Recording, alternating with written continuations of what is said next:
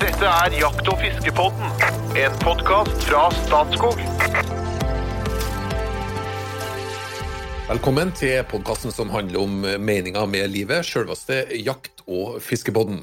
Vi når ut til stadig flere med god hjelp fra dere lyttere som sprer ryktet om oss. Fortsett med det. Vi er som kjent mannsdominert. Navnet mitt er Trond Gunnar Skillingstad. Jeg er kommunikasjonssjef i Statskog og er mann. Så har vi med Espen Farstad. Han er informasjonssjef i Norges jeger- og fiskerforbund og er Mann. Så har vi med Den tok du fort. Det var veldig bra. Så har vi med Jo Inge Bresjeberget, fagsjef i Statskog, og Mann. det tok litt lang tid i og med at Espen forsto det så fort. Men i dag så skal vi I dag så skal vi gjøre det igjen. Vi skal bryte opp i det mannsdominerte studiomiljøet med et eh, friskt kvinnelig pust. Hjertelig velkommen til Jakt- og fiskebåten, Charlotte Moen Gaustad. Hvordan har du havna i denne mannsbastionen av en podkast? Nei, det er jo fordi jeg kjenner en mann, tydeligvis, da. Nemlig. Jeg, jeg har faktisk sett deg før, på bilder. Ja, hør der, hør der. Og det har en sammenheng med at jeg kjenner en eh, Jo Inge Bresjeberget. Ja? Fortell litt, fortell litt om den koblinga der. Ja, skal vi tørre det, da? Jo da. Vi, vi, vi kjenner hverandre via Jo Inges kone, eh, som jeg har bodd sammen med eh, i Oslo når hun studerte og jeg var kokkelærling. Så det er jo innfallsvinkel nummer én. Og eh, bekjentskapet har jo utviklet seg da til at Jo Inge bisto meg når jeg skrev eh, jakt, eller viltkokeboka mi. For noen år siden. Så da var han eh, mitt faglige sterke alibi da, vet du, på eh, arter, og eh, var med på en god del av bildene også til boka. Så det var jo uvurderlig hjelp. Og, og rett og slett råvareleverandør, og til dels. Ja, ja. Altså, han ordner sånn at jeg kan gå i postkassa og hente innpakket kråke som har kommet i posten. så det er helt gull. Og blant, blant annet. Ellers så er det jo due og canadagås og alt mulig godsaker som han har bistått med. da. Ja, jeg Ja. har laga elggryte basert på dine råd, så jeg føler Ja. at vi er ganske godt kjent. Så bra. Det er En veldig bra bok, da, jeg må si det. Og du vant vel en pris for noe, gjorde du ikke det? Du, ja, jeg det ble i hvert fall jeg ble nominert til uh, Ja. Uh, um, hva het den, da? Ja, noe Cookbook uh, Gourmand of the Year. Vant ikke, da, tydeligvis, som du hører. Men det var hyggelig å bli nominert til en stor pris. Ja. Men Charlotte, fortell litt mer om deg sjøl. Hva, hva gjør du når du ikke er på jakt- og fiskebåten? det, er ganske mye. Nei, jeg, jeg er jo jeg, I det daglige så driver jeg Charlottes husmorskole. Eh, Så det er jo et opplegg jeg har hatt nå siden 2013 eh, med matkurs. Og nå, eh, fra 2021, så blir det faktisk eh, en mikroutdannelse, eh, typ. Så det blir et eh, åtteukers eh, kurs eh, med fokus på den som innehar daglig lederrollen i Hjemmet AS. Hvis du skjønner hva jeg mener med det. Den nye, moderne husmora, da, om du vil eh, si det på en annen måte. Eller husfaren. Som ja, for den er tvekjønna, ikke sant? Ja, ja, den har jo blitt det i vårt moderne samfunn, og det er helt greit. Det, majoriteten er jo kvinner fortsatt som, eh, som har, innehar den rollen, men jeg ser at kompetansen trengs å økes for at vi skal kunne sette god og sunn hjemmelaget mat på bordet hver dag uten at vi sliter oss ut, og at vi skal kunne klare det i tillegg til at vi har en jobb på dagtid. Så det er mitt daglige yrke, eh, eller drift, og så har jeg jo et selskapslokale i fjøset her vi bor, så jeg kan ta imot eh, både private selskap og bedrifter. Og i, I dag har vi da intet mindre enn to kokebokforfattere med i podkasten. For du, du har faktisk laga kokebok du òg, Espen. Jeg har det. Fortell litt om den. En biløper, som, eh, som Jo Inge ville kalt det under jakta. Nei, det er Nei, altså, jeg, jeg var en periode jeg var ganske hissig på å skrive bøker eh, for barn, egentlig. Friluftsbøker for barn. Eh, På samme forlaget som eh, Charlotte, for øvrig. Eh, Og da lagde jeg også en bok som het Turmat, som handla egentlig om litt sånne enkle grep for å gjøre turmaten utover pølsestandard, ikke sant. Altså, og, ja, og basert på de råvarene du fant ute, eller fiska eller jakta og brukte og sånn. Men den var jo relatert mot barn, da. Men litt av det underliggende her, og som du òg var inne på, Charlotte, det er å spre litt kunnskap om hvordan man kan lage det fra bunnen av, Så jeg skjønner dere rett.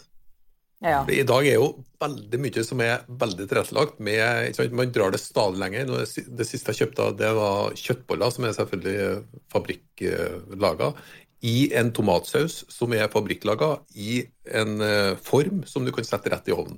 Nei, Jeg har en mistanke om at dere kanskje legger dere Dere ønsker at vi kanskje skal ta i bruk råvarene igjen. Jeg tenker jo at det, det er et ganske godt bilde av eh, si, hvilke verdier vi har stabla samfunnet vårt på, og hvordan vi har liksom kommet, eller hvor vi har kommet hen i forhold til hvordan vi konstellerer oss, og hvor faktisk hvor sårbare vi har blitt. Både pga. Mangel, og mangel på kunnskap, men også mangel på tid, og hvordan vi prioriterer. Hva er det vi syns er viktig? Eh, å gi til familien vår, og, og hvordan bygger vi på en måte bærekraftige fremtids eh. Da. Det er litt interessant, det der, og det er litt skummelt. Og jeg tenkte vi skulle inn på en spesiell eh, retning i dag, da. For vi har jo en sommer som er litt prega av, eh, av korona. Det betyr at det er utrolig mange som skal oppleve Norge i langt sterkere grad, og kanskje på en litt annen måte enn eh, enn tidligere somre. Og vi har jo, vi jo snakka om at Norge er jo et helt fantastisk fiskeland. Med en kystlinje som eh, strekker seg to, gang, to og en halv gang rundt ekvator og over 400 000 fiskevann. Men eh, kunnskapen om fiske er nok eh, litt ujevnt og fordelt. Kunnskapen om hvordan du håndterer fangsten, den er òg veldig ujevnt fordelt. Så jeg tenkte kanskje vi skulle inn på håndtering av fisk i dag. Hvis du er, er så heldig at du står på Svaberg i sommer og får en lyr, som, hva da? For Vi har snakka om hvordan du skal få den lyren, men vi har ikke snakka så mye om hvordan du går fra fangst til fat. Så jeg foreslår at vi egentlig går rett på det. Sånn, når, du, når du har landa en fisk, hva er, hva er viktige trinn derifra? Ja, Spør du meg Litt først? åpen- Ja, åpent spørsmål. Åpent spørsmål. Men, men, men det som slår meg med en gang, er jo at en måte, det kanskje er en, en sånn gjengangerfeil, uh, uansett om det er fiske eller, eller jakt. Da. Uh, at vi har så mye fokus på hvordan vi skal felle og fange og få tak i disse dyra, og så er det litt sånn bare vi får det i fryseren eller et eller annet, eller release, ikke sant, så er det liksom Mens min, min interesse begynner jo først når vi har fått eh, dyret i, bakken eller fisken på land. Det er jo da jeg tenker nå begynner jo faktisk jobben. Men det er fort å glemme, særlig altså, bare for å kategorisere hardt og brutalt, så er det litt fort gjort for eh, jegere kanskje å tenke litt for kort. For jeg tenker, hvorfor skal vi jakte? Er det bare for opplevelsen av å, å felle dyret, eller er det til du har den i munnen? Du skal stille driven? like store hva er- spørsmål tilbake, du. Ja, jeg gjør det. Det er ikke meninga. Men vi, men vi er jo enige om det at vi jakter og fisker i en høstingstradisjon. ikke sant? Det er jo det som er bakgrunnen vår. Vi skryter jo alltid av at vi er, har denne 10 000 år gamle kulturbærertradisjonen med oss, at vi høster av et overskudd. og vi, eh, Uten dette så hadde vi rett og slett ikke bodd i dette landet. eh, Og at dette er noe som vi skal ta vare på. Og jeg er i hvert fall vokst opp med at hvis jeg fikk en eh, lyr eh, på Svaberget på Nordvestlandet, så var det ikke snakk om å bare pælme den eh, fra seg eller legge den bak i båten til han var stiv som en pinne. Altså, du skulle ta vare på, ta vare på det du Det har noe med respekt for livet Ja. å gjøre òg, ikke sant? Ærlig Ja. talt. Ja. Så, så jeg er veldig på linje her. Selvfølgelig skal vi det. Og det er jo det er jo dette som er råvarene som er utgangspunktet for den gode maten, så dette må vi ta vare på. Men ta, kjør litt basic. Når du har fått fisken på land, hvor eh, raskt bør du eh, gjøre opp fisken? Eh, nå eh, har jo ikke jeg Du må huske på det som jeg sier i stad, at jeg, min interesse vekkes jo først når eh, fisken er på land. Eh, og jeg tenker Det er, jo også forskjell på hva slags fisk vi drar opp, hvor fort ting skal gjøres opp, og hvordan det skal gjøres opp. Men hvis du har denne lyren, noe jeg aldri, bare har spist, men aldri har dratt opp i båten, så vil jeg jo tro at det handler jo om at du skal jo Altså, vi er jo inne i, Særlig på varme sommerdager og sånne ting, så er det jo viktig å tenke hygiene. Uansett hva vi gjør. Øh, Er du rein nok på henda? Er øh, båten din eller der du skal dra fisken opp og gjøre den opp, er det reint nok? Fordi det er ja, det tror det er mye dårlig hygiene rundt og går. Det, ja, ja, såpass har jeg vært med på elgjakt hjemme at det vet jeg. Men, men Så det, det er liksom viktig. Har du med deg altså Gidde å gjøre den der lille håndvasken eller et eller annet tiltak. da, Ha med poser så man kan få det i noe ren emballasje. Eh, og se om man skal man gjøre den opp i båten eller på kaia, eller skal man ta den med hjem på et kjøkken og gjøre det. Men det å få på en måte tatt hånd om det på en hygienisk, smart måte, og så kommer neste steg, da, hvis du ikke skal spises med en gang, få delt det opp i fornuftige stykker, sånn at man kan pakke og fryse i stykningsdeler som er smarte å ta ut igjen av fryseren. Mm. Mm. Veldig dumt å hive en svær, uh, hel fisk i fryseren, for den, ja, det, er de, det, er de, store anledningene hvor du tar ut den hele fisken. for å si sånn. Og de er det ikke så mange av. Der har jeg lyst til å skyte inn en ting. for Jeg syns at alle som hører på Jakt- og fiskebåten, eh, skal ta et ark nå, så skal de skrive ønskeliste til jul. Og øverst på den lista så skal de skrive vakuumpakker.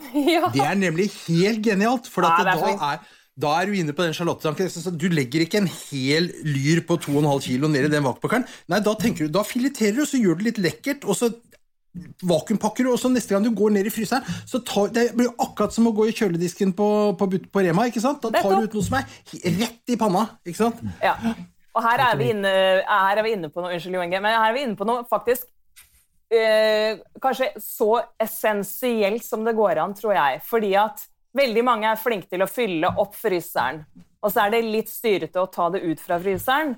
Men hvis du har tatt deg nok tid og nok flid i nedpakkingsprosessen, og du har merket det, og du har veid opp sånn at ikke sant? Er du en familie på fire, så skal du fryse inn det du trenger å tine til den middagen til dere fire. Fordi mm. da får du brukt det. Og så er det jo mye lettere å kunne gjøre eh, fileteringsjobben og alt dette her når det er ferskt og fint og sånn. Pakke det, det er rent og nydelig. Da er den jobben med å ta det ut altså en drøm. For da har du ingen jobb, nemlig. Mm. Og så er det jo noe med å vite hva er det vi liker å spise. Liker vi at det er koteletter av fisken? Det, skal det være filet? Skal det være med eller uten skinn? Osv. De spørsmålene de må du ta før du begynner å skjære ned og pakke. Det er kjempeviktig. Mm. Høres veldig sjølsagt ut, men det er faktisk ekstremt gode tips. særlig, særlig hvis du, Og nå, nå, vil jeg ha litt sånn eh, håndtering for dummies. da. Det, for jeg håper at det er utrolig mange som er ute og fisker i år, ja. som ikke er å fiske ellers. Ja. Eh, sånn at, og da, da, vil man, eh, da kan det være greit å ha med noen sånne standtips på ting du ikke nødvendigvis har tenkt gjennom på forhånd. Men før, før vi har havna i frysen, mm. vi har gjort opp fisken. Vi er på sjøen. Du kan jo hive innvollene på sjøen. Hvis du er inne i landet, hive det på land eller ute i vannet. Eller dra med hjem. Eller grav. Du graver det ned. Krevende. Ja, altså kan, ja, det, det, er det beste. Altså, det er, alt Når du får en fisk, så skal du gjøre opp fisken så fort som mulig. egentlig. Det er bare en fordel. ikke sant? Å få ut innvoller, og få ut blodranda og gjerne gjellene og alt som på en måte har blod som kan skape bakterieting. Og så graver du det ned. Du kan bare løfte opp en stein og gjemme det under. eller et eller annet. Det er ikke noe, det er ikke noe problem. det er bare gjør det, så ikke du, Hvis ikke så får du en problematikk med at du kan bidra til å spre parasitter, måsemark, sånne ting liksom, eh, som, som du ikke ønsker i vannet så gjør det. Så det der prinsippet med også, Og hvis du er i en jeg har lyst til å nevne, hvis du er ute og fisker i båt, eksempel, på, nå er det mange som drar på Sørlandet eller langs kysten, og sånn, og du er ute og fisker og du får litt fisk, ha med deg en bøtte, og så renser du fisken. Det kan du gjøre mens du fisker, egentlig. Så du får en fisk, så du dreper den, og så renser du den. Dette er jo fort gjort. Hiver innvollene på sjøen. Og så putter du fisken i bøtta, og så du, har du tatt med deg en tannklase som er fuktig, og legger oppå, for da holder den seg fuktig og mange grader kaldere enn han ellers vil være i solsteika. Da har, du, da har du, et godt utgangspunkt for, eh, for å legge det i fryseren. Mm. Så hold den ganske kjølig, et stikkord nå på sommeren, da. Mm. Mm. Og jeg opplever jo ofte at uh, den her sjølfiska fisken kan jo fort liksom bli liggende og tørke litt i, uh, i steik. Og da får du litt sånn kje, et litt sånn kjett uttrykk på det skinnet. Uh, I hvert fall Hvis du da skal ha fisk med skinn, så kan det bli litt, sånn, litt, dårlig, litt dårligere kvalitet på det. da. Mm. Så det med tang, det var kjempelurt. Det har jeg ikke tenkt på. Mm. mm. Man bruker alltid det. Kan man, kan man bruke måse òg, hvis man er på et fjellvann? Så bløte opp måse og legge på øh, oppå ja. fisken ja. Ja, det tror jeg kan. Eller torv fra ei myr. Altså ja. Nedi myra er jo alltid fire grader. Liksom, sånn at det er jo der er både vått og kaldt og, og, og ganske sterilt, vil jeg tro. Eller ha med en kjølebag, kanskje. Ja, men da vi, begynner vi å snakke planlegging her. Også. Jo, jo, jo. Men, men det jeg tenker er jo litt sånn sånn som eh, snakker om å dra på tur, så husker du, Skal du lage mat på tur, så har du med en del ting. Du vet, du tenker kanskje forhåpentligvis da, gjennom prosessen osv. Man må, jo, man må jo også tenke dette når man skal ut og, og, og fiske. At man har med Eh, hvis du vil dra det langt, så tar du med en liten sånn blårangkost? Eh, som gjør livet litt lettere. Og du har med poser og det du trenger for å kunne gjøre en bra nok kniv og alt dette her. Kanskje litt av skjærefjøl òg, hvis ikke du liksom skal skjære på bryggekanten eller et eller annet. Fordi ja. da gjør det hverdagen din litt lettere når du får fisken forhåpentligvis forhåpentligvis oppi båten. Skjærefjøl, det er et godt tips. Ja, hvorfor ikke? Du får plass til det i sekken. Ja, og, og ute i båten på, hvis du er på sjøen, og det er veldig mm. mye enklere egentlig å håndtere fisken hvis du har ja, Eh, skjærfjøl. Ja. Mm. Mm. Så tenk gjennom prosessen litt. Så kan du selvfølgelig gjøre det mest idylliske. Du kan spise fisken mens du er på tur. mm. Og enkle måter du gjør det på, er Da har du selvfølgelig tatt med litt aluminiumsfolie, litt smør, salt og pepper, kanskje? Nei. Nei. Kniv, vil jeg da si. ja. Nei, men vet du hva? Eh, jeg fikk en melding av eh, en nabo her. Han var og fiska kveite nå, og sender meg en melding. Hva ville du ha gjort nå med kveita? Og da skrev jeg 'spis den rå'. Vi spiser jo sashimi, ikke sant? Og all nyfanga fisk er altså Å, det er så godt! Så det å bare filetere, skjære tynne skiver men gjør da dette da rent. da, Ha med den rene fjøla di og en skikkelig god kniv. Og så bare liner du det opp og sier vær så god. Kanskje du har med en sitron i sekken eller en lime eller et eller annet syre. Mm, nydelig. Og hvis mm. du drar det enda lenger, så tar du med litt soya òg. Mm. men, men jeg tror det, det glemmer vi en del ganger, da. Å virkelig nyte eh, råvaren helt naturell også, og virkelig bli kjent med Ok, hva er det lyr smaker? Mm. Hva er det det kjøttet smaker i forhold til torsk, f.eks.? For eksempel? Fordi vi har en tendens til å skulle kamuflere det bort. Og da, kunne, da spiller det ingen rolle hva vi spiser til slutt, da. Mm. Dette er interessant. Men dette er interessant, for vi har snakka om dette her før også, at eh, når du er på skogsfugljakt, så skyter du en orrana. Og da skal den henge litt, og så skal du ta den med hjem, og så putter du den i fryseren. Mm. Vi burde jo egentlig ha nytt inn der og da, ikke sant? mens han er fersk og god, men det er noe med at du skal komme hjem med fangst. da, ikke sant? Det er en sånn der greie der. Jo, jo. jo. Mm. Men en, en, god kombinasjon, da. Så, ja. jeg jeg syns jo den derre altså De store øyeblikkene, de store smaksopplevelsene, får du når du gjør det veldig nedstrippa. Mm. Fordi da kan du Da blir en del av historien. ikke sant? Altså Der sitter vi i båten, og vi har dratt opp den her, og vi bare gjør den opp i båten på ei fjøl og tar en bit, og, er, og sola skinner, og er, du ser hvordan denne historien blir.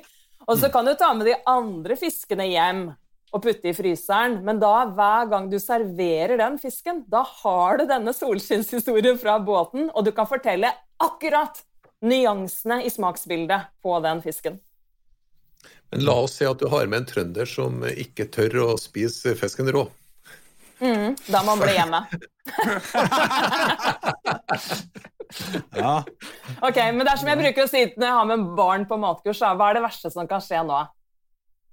Og jeg hadde et eh, jeger- og fiskkurs for ungdom i vinter, og der smakte de på eh, rådyrtartar. De elska det! Mm. Ja, det er han, det, da. Ja, men ikke sant? Og så vi ikke undervurderer verken oss selv eller andre på, på sånne ting. Ikke engang trøndere. Ikke engang trøndere. jeg er helt enig. Ja. ja. Men et spørsmål, Charlotte. Det var, du, du sier 'spise fisken rå, og jeg, det, det, er veldig jeg følger deg helt. De rene smakene og det friske og øyeblikket, og det lager grunnlag for mye. Men det er jo noen fisk som faktisk kan ha noen parasitter som gjør at du skal være litt forsiktig med det, vel? Jeg tror, jeg tror, at en del ferskvannsfisk, det å spise røye f.eks. rå uten videre, er ikke helt anbefalt, faktisk. Ok, nei. Det kan godt hende. Dette kan ikke jeg nok om. Eh, og, og, så vil jeg egentlig bare skyte litt fra hofta og så si at eh, jeg tror vi spiser mye farligere ting eh, fra butikken enn om vi skulle ha smakt litt på en nyfiska fisk. For det handler jo også om volumet. Eh, men som sagt, her kan jeg ikke nok om det. Eh, men det er det min magefølelse ville sagt. Hvis du, hvis du ikke skal spise fisken med en gang, okay, Ja. så, har- så har man to valg. Man kan fryse det, eller man kan holde det kjølig for snarlig bruk. Mm. Hvor, eh, hvor eh, smalt er det tidsvinduet? For, å, for at fersk fisk er liksom, går jo for å være litt bedre enn om du fryser den og tar den opp igjen. ja. Hvor mange dager har du på deg? Det, det er, kommer litt an på hvor kaldt du har det, og hvor raskt du får råvaren kjølig. Så at eh, Ligger det på fire grader i kjøleskapet ditt, noe det sjelden gjør, da, det ligger ofte litt eh, varmere, så vil det gå fortere. Men altså her er det ikke et fasitsvar, men her må du bruke sansene dine. Men at fersk fisk fint kan ligge en tre-fire dager uten problem, det gjør det jo. Men vi må bruke øynene, vi må kjenne med fingrene, vi må lukte med nesa. Så sansene våre er jo helt avgjørende for å spise trygg mat. Mm. Og det må vi trene på. Her er det, altså du, du kommer til å lukte og i siste instans smake om den har bikka, liksom. For da vil det begynne å ikke sant? Den har alle i ryggmargen. Men vi er litt for dårlige. Vi vil helst forholde oss til en, en, en datostempling. Ja. Men det er bare fordi Nei. vi har fjernet oss veldig langt fra hva som er virkeligheten. da. Og så hvis det lukter torv av fisken, så kan det hende at du ikke børsta bort noe av det du tok på når du var ute på den fisketuren med Espen. Ja, ja. Men da holder du bare tarmene i sjakk, så det er bra. Det går an å skjelje av verste tarven når du kommer hjem igjen. Jeg gjør det. Hvordan, hvordan liker dere best å tilberede, tilberede fisken når den ikke serveres rå eller ikke spises på turen? Altså når, du- når dere lager på kjøkkenbenken. Du Espen, du, du jeg så at du skulle røyke noe fisk. Ja, jeg var ute og fiska makrell her. her fikk jeg svær murebøtte full av makrell på no time. Liksom. Det er jo, ofte er er det sånn makrell. Det er rikt, ikke sant? Så jeg delte ut eh, alle de som hadde lyst på makrell rundt meg, og så spiste jeg stekt makrell. Det gjør jeg egentlig bare én gang om sommeren. For jeg blir, jeg blir veldig mett av stekt makrell. Det er veldig feit, og du blir, du det er kjempegodt, men så får du liksom plutselig mett av det. Da. Så da hadde jeg satt deg igjen med en del makrell, og da tenkte jeg nå skal jeg røyke dem. Så jeg salta dem, eh, eller salt og litt sukker, og så, vak- så brukte jeg vakuumpakkeren min, for da, da bruker jeg 3,5% salt. Og, en teskje sukker liksom oppi der sånn, og så, inn i vakuumpakkeren. For da, jeg, da, da, da blir det jo ikke mer enn 3,5% salt. ikke sant? Det blir jo det. Og hvis det ligger i vakuumpakkeren et par dager i kjøleskapet, da, en, en makrell, så er den gjennomsalta på en måte. Så hang jeg den opp til tørk, og, og dette jo, var jo her om dagen da det var veldig varmt, så da ha, satt jeg rett og slett en vifte foran som blåste den sånn at jeg fikk tørka den ordentlig. Og det er veldig viktig når du skal røyke fisk, at den blir ordentlig tørr. Hvis ikke så tar den ikke røyken på ordentlig måte. Og så har jeg lagd meg en liten boks ute i hagen hvor jeg henger opp denne fisken, og så har jeg en sånn jeg har kjøpt, Dette er veldig smart. altså. Jeg kjøpte en sånn eh, liten røykspiral. Eh, det er altså en metallrist som går i en spiral, og så fyller du den med sagmugg.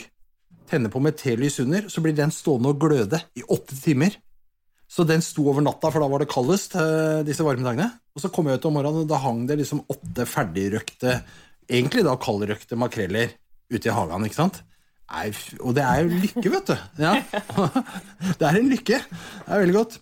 Herlig. Du Jo Inge, hva du, hva du gjør når du Nei, Jeg er jo ganske allsidig, da. Jeg spiser jo alt. så, og nå i, slik som i vinter, så fikk jeg tak i fersk, ferskis, både kveite og torsk. Jeg er veldig glad i lettsalte torsk, um, og er jo glad i stekt kveite. Men eh, vanligvis så har jeg jo eh, tilgang til innlandsfiske, da. Og jeg slår jo slag for ebber. Sprøstekt ebber det er en av mine favoritter. Og vi har her på Finnskogen har vi en rett som heter moti. Den eh, typen eh, nesten Den mjælgraut, nærmest, eh, som Finne hadde med seg. Med sprøstekt ebber og fleskefett på, eller altså fettet fra panna på der. Det har jeg veldig sansen for. Jeg er jo veldig glad i røykefisk. Jeg syns det er best med kald røykefisk. Og jeg er jo glad i å koke ting. Så det å koke suppere syns jeg òg er kjempebra. Du er glad i alt, du Jo Ja, jeg er glad i alt. Men eh, ja. Eh, det kan funke å koke, det. Mm. Og med vilje så satte jeg deg nå sist, Charlotte, fordi at eh, det var for å unngå presset på de, på de karene. Ja. Jeg kan fylle ut, da. Du kan fylle ut og, og se litt om hva du liker godt sjøl, og hva Mm. som kan være enkelt og komplisert. Ja. Jeg, jeg har jo lyst til å si at eh, vi har jo en tendens til å gjøre det litt komplisert noen ganger. Eh, så det er alltid å huske på at man skal gjøre ting så naturlig og så ukomplisert som mulig, det, det hjelper både deg som skal lage maten, men også råvaren da, egentlig, til å komme til sin rett. Men jeg, når du nevner makrell, så får jeg lyst til å si at det, å sylte makrell er jo helt nydelig. Mm. Og så, altså litt sånn lettere og friskere nå på sommeren, og vil ikke oppleve makrellen som en sånn feit, tung eh, fisk å spise. da. Da Men, tenker eh, du eddik, eddik og liksom den veien? Ja, da, altså, Mm. Jeg bruker jo egentlig bare én type lake, enn det svenskene kaller en 1-2-3-lake. Én del eddik, to deler sukker og tre deler vann. Og så kan du Mm. salte litt først, da, så ja. Slår du f.eks. en kokende lake over små biter av eh, makrellen, Mm. eventuelt gir det det bitt, altså superraskt oppkok, og så bare så kan du ha det på glass. Kjempegodt. Da er det konservert. Nei, men det er smakstilsatt. Ja, Ja. Så det blir men den blir mer holdbar, eller? blir mer holdbar, og du tilfører en smak, da, men som allikevel ikke på en måte ødelegger makrellsmaken, men den bare er med og løfter den fram. Eh, når du nevner kveite, Inge, så har jeg en favoritt der, hvor jeg eh, liker å Og det trenger ikke være sånn sovid-opplegg og vakuum og, og styr, men du kan egentlig bare i en ildfast form eller i en kjele, så har du litt vann, mye smør, litt sitron og kanskje litt salt, og så legger du bare fiskestykkene oppi, og så lar du det bare trekke i- en sånn skikkelig deilig smørbad. Det er godt. Og så må vi huske, når vi varmebehandler særlig fisk, ikke gjør den blemma at du bare, «Ah, bare gir den litt til nå for å være sikker. Da gjør du at fisken går fra å være perfekt og, perfekt og saftig til tørr. Det skjer fort på kveite, i hvert fall. Ja, det skjer fort på all fisk. Når du vet, du vet Det sikreste tegnet til at du har varmebehandla den for mye, er når du kjenner at liksom fiskestykket ligger som en ball oppi gommen din. ja. Og proteinet begynner å trekke ut. Da må du på en måte for all del stoppe varmebehandlingen. altså. Hvilken temperatur skal vi ha på ovnen? da? Det kommer jo an på fisken og hva slags fiskestykke det er osv. Noen fisker eh, kan fint ha litt tøffere varme enn andre, men, og det er litt sånn smak og behag. Men her tenker jeg her, gjør deg noen erfaringer. Men jeg har liksom fem retninger med tilberedningsmetoder som jeg liker å forholde meg til, og ikke masse oppskrifter. Så jeg tenker at enten så det, har jeg fisken rå, eller så trekker jeg den, altså, som, eller koke, da, som jo Inge kaller det. Men du trekker fisk. ja. Uh, eller så kan du dampe den. Sant? Det er nummer tre. Eller så kan du pannesteike eller ovnsbake. Og så har du ikke sant, slenge på grillen, og så blir en form for steiking. Men det er på en måte, ja, det er de fem valgene jeg tar når jeg står der med råvaren. Og hva sausen er eller krydderet er, det spiller ingen rolle, bare du gjør tilberedningsmetoden perfekt. Da blir det godt. Da holder det med sitron og olje på, eller litt rømme, eller et dryss med urter, liksom. Du trenger jo knapt nok salt og pepper. Kan jeg bare Nå, skyte inn Nå fikk dere litt å tenke Nei. på her. ja. Nei, nei, nei, dette er- dette Vi er sitter og teller nå. Én, to, tre. Hvor mange kan jeg? Det er veldig bra, men jeg har bare lyst til å skyte inn én greie som jeg bare kom på her når vi snakka om makrell. Det er jo sommerfisken da. Det er den mange kommer til å møte i sommer, og du til å, det er den du kommer til å få mest av. Eh, eh, jeg er sånn at jeg, jeg er jo voksen mann som trenger omega-3, spiser ikke tran, så jeg spiser, eh, spiser makrell i tomat på knekkebrød til lunsj hver dag. Ikke sant? Det er bare en sånn greie. Men så fant jeg ut at jeg skulle lage min egen makrell i tomat. Sant? Som jeg lagde med makrellfileter i ommen i en sånn tomatsaus med masse olivenolje og hvitløk og sånn. Det, er, altså, det var så sinnssykt godt! At det, det, og jeg begynte å dele ut Jeg hadde det med på jobben i en langpanne. Smak på dette her! Liksom? Og folk, ja, men det Alle går i spagaten over dette. Altså, dette er virkelig en helt annen verden. Så det, det er et godt råd. For makrell, lag hjemmelag makrelltomat. Mm, det er godt. Men du, du vet, eh, det- det eneste det handler om, er du har gode råvarer, og du har tilberedt det egentlig ganske varsomt og enkelt. Ja. Mhm. Fisker du mye sjøl, Charlotte? Nei.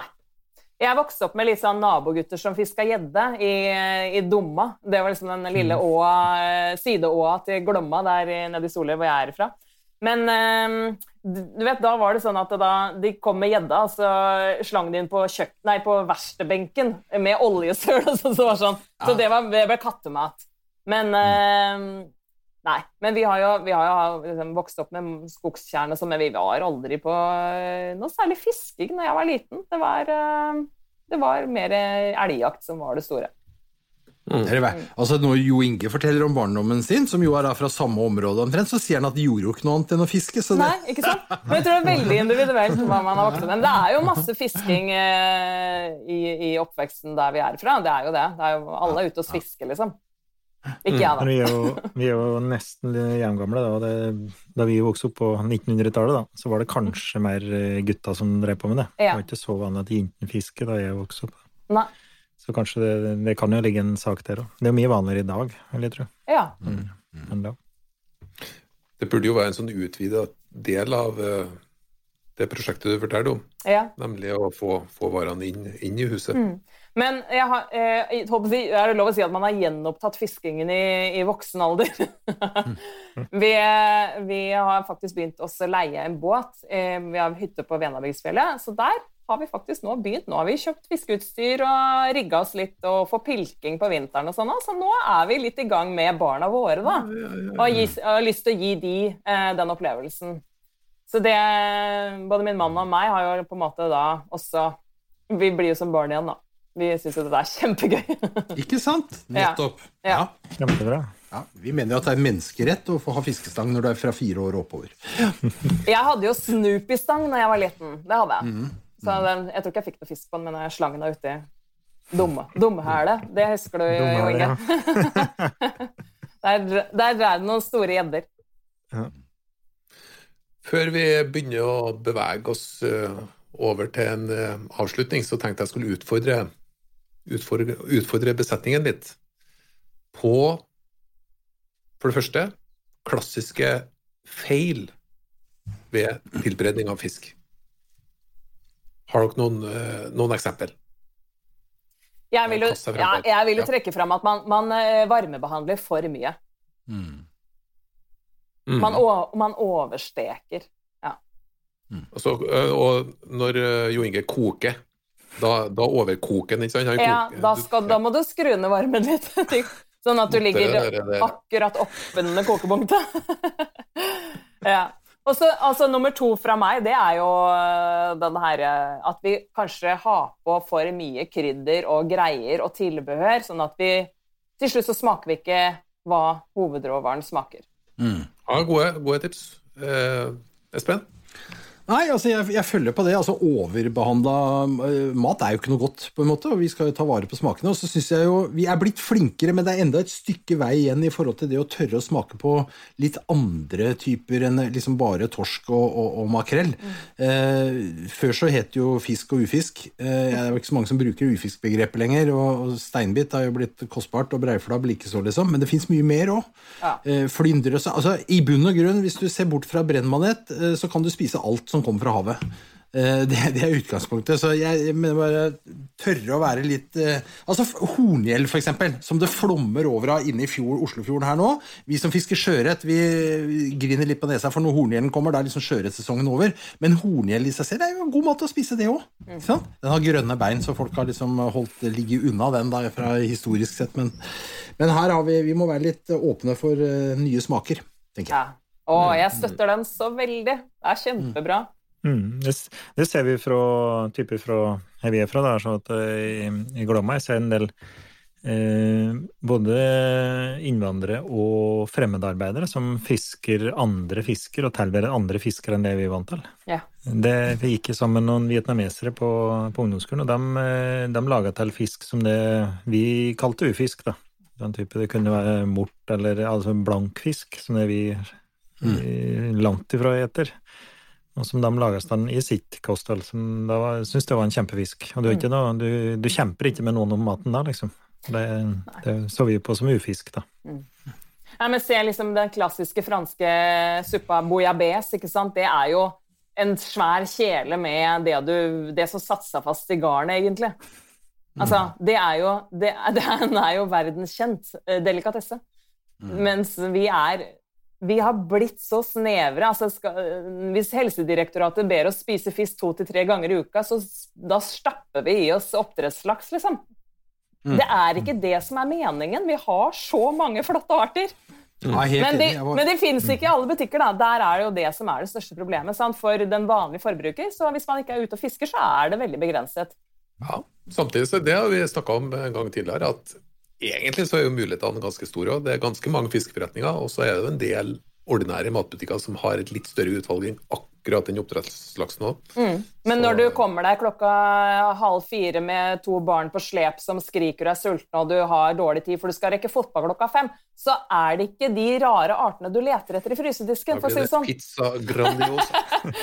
Så det handler jo om god planlegging også, da, oppi alt sammen. Mm. Men apropos det.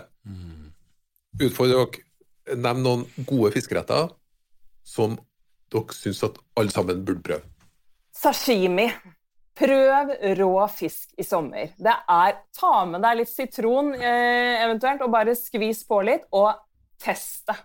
Det er nydelig. Ikke, ikke salt oppå, liksom. Nei. Bare sitron. Ja, eventuelt noen dråper med soyasaus. Men rå fisk i tynne skiver veldig godt. Nei, jeg, jeg, jeg kan jo mase at det er kjedsommelig med den ebberen min, ja. men jeg må slå et slag for ebber. Ja. Og det er jo en kjempe matfisk. Og har du med da typisk da unger og fisker og får, eh, får en grei, eh, grei størrelse, grei matfiskstørrelse, og steiker den der og da, sprøsteiker den med bra med smør og ferskt brød, og så bare et den på brødskiva, eksempel. Mm. Det, det, må, det behøver ikke være vanskeligere enn det. Men har du prøvd det, så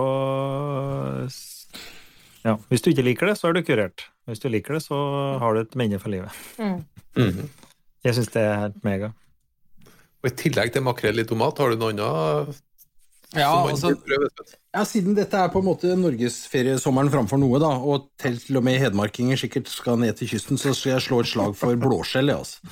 Jeg syns blåskjell er helt fantastisk. Du bare laster ned appen fra Mattilsynet som heter Blåskjellvarsel, sånn at du er sikker på at du plukker blåskjell som kan spises, for de kan jo i perioder være giftig. Eh, Men det får du flott oversikt over i den appen. Så er det jo gratis mat som ligger i fjæra eh, over langs hele kysten. Er Fantastisk godt. Altså Blåskjellgryte, eh, gratinerte blåskjell i ovnen med noe godt på. Så det er endeløst. Kjempegodt. Kan jeg få lov å slenge på én ting til? Absolutt. Fordi når vi får en fisk og fileterer den, f.eks., så blir vi stående igjen med litt bein og avskjær. Kok kraft av dere. Det er den beste basen for en god fiskesuppe. Og det er, Om ikke du bruker krafta med en gang, så fryser du den inn i, en smart, eh, i smart volum. Men det å koke kraft på bein fra egen fisk, eller småabber eller mort, ikke sant? det er helt gull! En ressurs. Litt overraska over at ingen kom med fiskesuppe, for det kan jo ha godt med fløte oppi og godt med smør. Trenger ikke, men du kan. Da blir det ekstra godt. Det er Som jeg sier, du kan koke det meste. Nei, men apropos sommer, da. Eh, det går jo kanskje an å ta og sette noe annet på grillen enn eh, de mosa burgerne. Eh, Går det an å hva, hva, hva som er gode tips for fisk på grillen, da? Hel fisk. Jeg syns jo det er så tullete å legge på fiskestykker på grillen, og masse folie og foliebakker, og det er jo en forsøpling av en annen verden, ikke sant? Men kjøp heller hel fisk, eller ta den hele fisken du har. For eksempel har du en hel røye eller ørret eller et eller annet, eller makrell, da, så bare legg den på indirekte varme, altså ikke rett over glørne eller på den harde varmen på, på gassen, men så lar du den ligge der til på en måte er ganske ferdig på den ene siden, og så snur du den, og så, bare, så er det jo skinnet som er folien, ikke sant? Så det setter seg ikke fast i, i rista når den har skinnet på. Men du må la den ligge lenge nok sånn at den har på en måte fått tørka opp og blitt eh, litt hinne på det skinnet og litt sprøtt, så kan du snu den. Sånn. Og det er så gull! Og har du stort lag, da, så legger du på en stor ørret eller en stor eh, laks, og så er det jo helt gull. Supersaftig. Og du trenger ingen smakstilsetning, fordi fettet innafor skinnet er liksom det gjør, Alt ordner seg selv, da. Jeg får, eh, jeg, ja, jeg skal ikke si hva jeg tenker. rundt min, mitt forbruk av salt og pepper og smør. Men eh, Ok, men Da utfordrer jeg deg til å prøve en gang uten, og så kan du på en måte se Ja, ja. Hva, hva er behovet, egentlig. nei, jeg, jeg framstår som litt trangsynt, men jeg kan være åpen òg. Hva gjør du på grind du Espen? Da skal jeg komme med en uh, veldig innrømmelse her. Uh, jeg liker egentlig ikke grill, jeg. Jeg syns det er en litt sånn uting. Jeg, altså, det å lage mat handler jo på en måte om å kontrollere varme uh, og, og råvarene varme. Og jeg, jeg liker å ha bedre kontroll på kjøkkenet. Jeg liker godt å sitte ute i hagen med et glass hvitvin og, og spise fisk, jeg òg, men jeg, den grillen min den står egentlig og ruster. Skal jeg være helt ærlig. Så mm, litt kjedelig svar på det. Det er sikkert fordi at jeg er ovn. Ja, egentlig så syns jeg lag maten i kontrollerte former, og så ta den med ut og spise den ute. Det er, ja. og, og i hvert fall når Charlotte sier at, at hun skal legge den på indirekte varme på gassgrillen, så tenker jeg ja, men da tar du jo må det i minste være grill med smak av røyk fra, fra grillkull, da, tenker jeg. Mm. Jeg har, Men, jeg har eh, kullgrill. Ja. Nei, Ja. helt enig. Helt enig. Men det er mange som har gass, var derfor jeg sa det. Ja. Nei, jeg er litt kjedelig griller, rett og slett. Men eh, det må gjerne invitere meg på, på en god grillopplevelse. Altså. Jeg blir jo med på det. Men hva, Ja, da- hva, om- hva om du tilbereder fisken i ovnen, da, så griller du grønnsakene dine? Ja. Eller sånn som jeg fant det var en som serverte meg her om dagen jeg var på grillparty. Grilla vannmelon. Mm, dette var jo veldig godt. Ja, Og med kveite til. Åh! ja Og du kan, du kan, grille, du kan grille blåskjell. Venteblåskjell istedenfor ventepølser. Ja. Mm. Jo, høres bra ut. Hva du gjør du, da? Grillkongen i Solør? Nei, jeg er heldigvis godt gift, altså så jeg har en grillmester i hus. Nei, eh, du kom på sommeren, så er det jo lett for at jeg driver og mm, sorterer litt i fryseren. Og jeg er klar til neste høst, så jeg, så jeg er jo en tilhenger til å grille de gode stakka jeg har i fryseren da, og det er typisk da indrefileter og ytrefileter og slik. Men i den grad det skal være fisk, så jeg er veldig glad i å grille ørret. Det syns jeg blir bra, som Charlotte sa. Og jeg har jo prøvd å grille kveite nå. Det tilgang til kveite. Det har vært kjempebra. Så det må jeg si er kanskje min favoritt akkurat nå om dagen. Nei, men jeg har, eh, jeg har notert meg opp til flere ting som jeg skal slutte å gjøre, og så er det opp til flere ting som jeg skal begynne å gjøre. Så dette var en ganske lærerik podkastepisode for eh, han som prøver å styre samtalen. Men kjære lytter, vi skal nå si farvel, men fortvil ikke. Vi møtes igjen neste fredag. Vi har jo fryktelig mange episoder ut nå, så i løpet av de neste sju dagene så kan du jo høre på de 60-70 episodene som allerede ligger ut. Kjempemange om jakt, kjempemange om fiske. Men selvfølgelig, før vi feider helt ut, skal vi ha en liten hot or not. Er du klar for det, Charlotte? Absolutt. Bra. Er du sånn som svarer raskt? For dem, de to karene der, de er av og til litt trege. men du- Ja, jeg kan svare raskt. Ja. Ja, kjempebra. Eh, jeg har eh, ganske mange faktisk denne gangen, så ut, utvida hot or not-seanse. Er du klar? Ja. Ja. Vi starter. Gassgrill, hot or not? Not. Not. Ja. Ok, nå ble jeg overraska hvis det ikke blir felles. Popkornmaskin, hot or not? Not. Not. Not. Gjennomstekt hamburger, hot or not? Not. Not. Not. Vi er helt enige, hører du? Hører du? Ja. Gjennomstekt rådyrlår, hot or not? Not. Not. Not. Ok, og så det siste jeg vet at alle sammen kommer til å uansett være enige, for det, det er den hot-greia mi. da. Skoselgeren som starta rockeeventyret i Namsos, slagere som Landevei, Langt hår, Stein Ingebrigtsen, hot or not? Not. Not. Beklager. Takk for følget, kjære lytter. Vi høres igjen.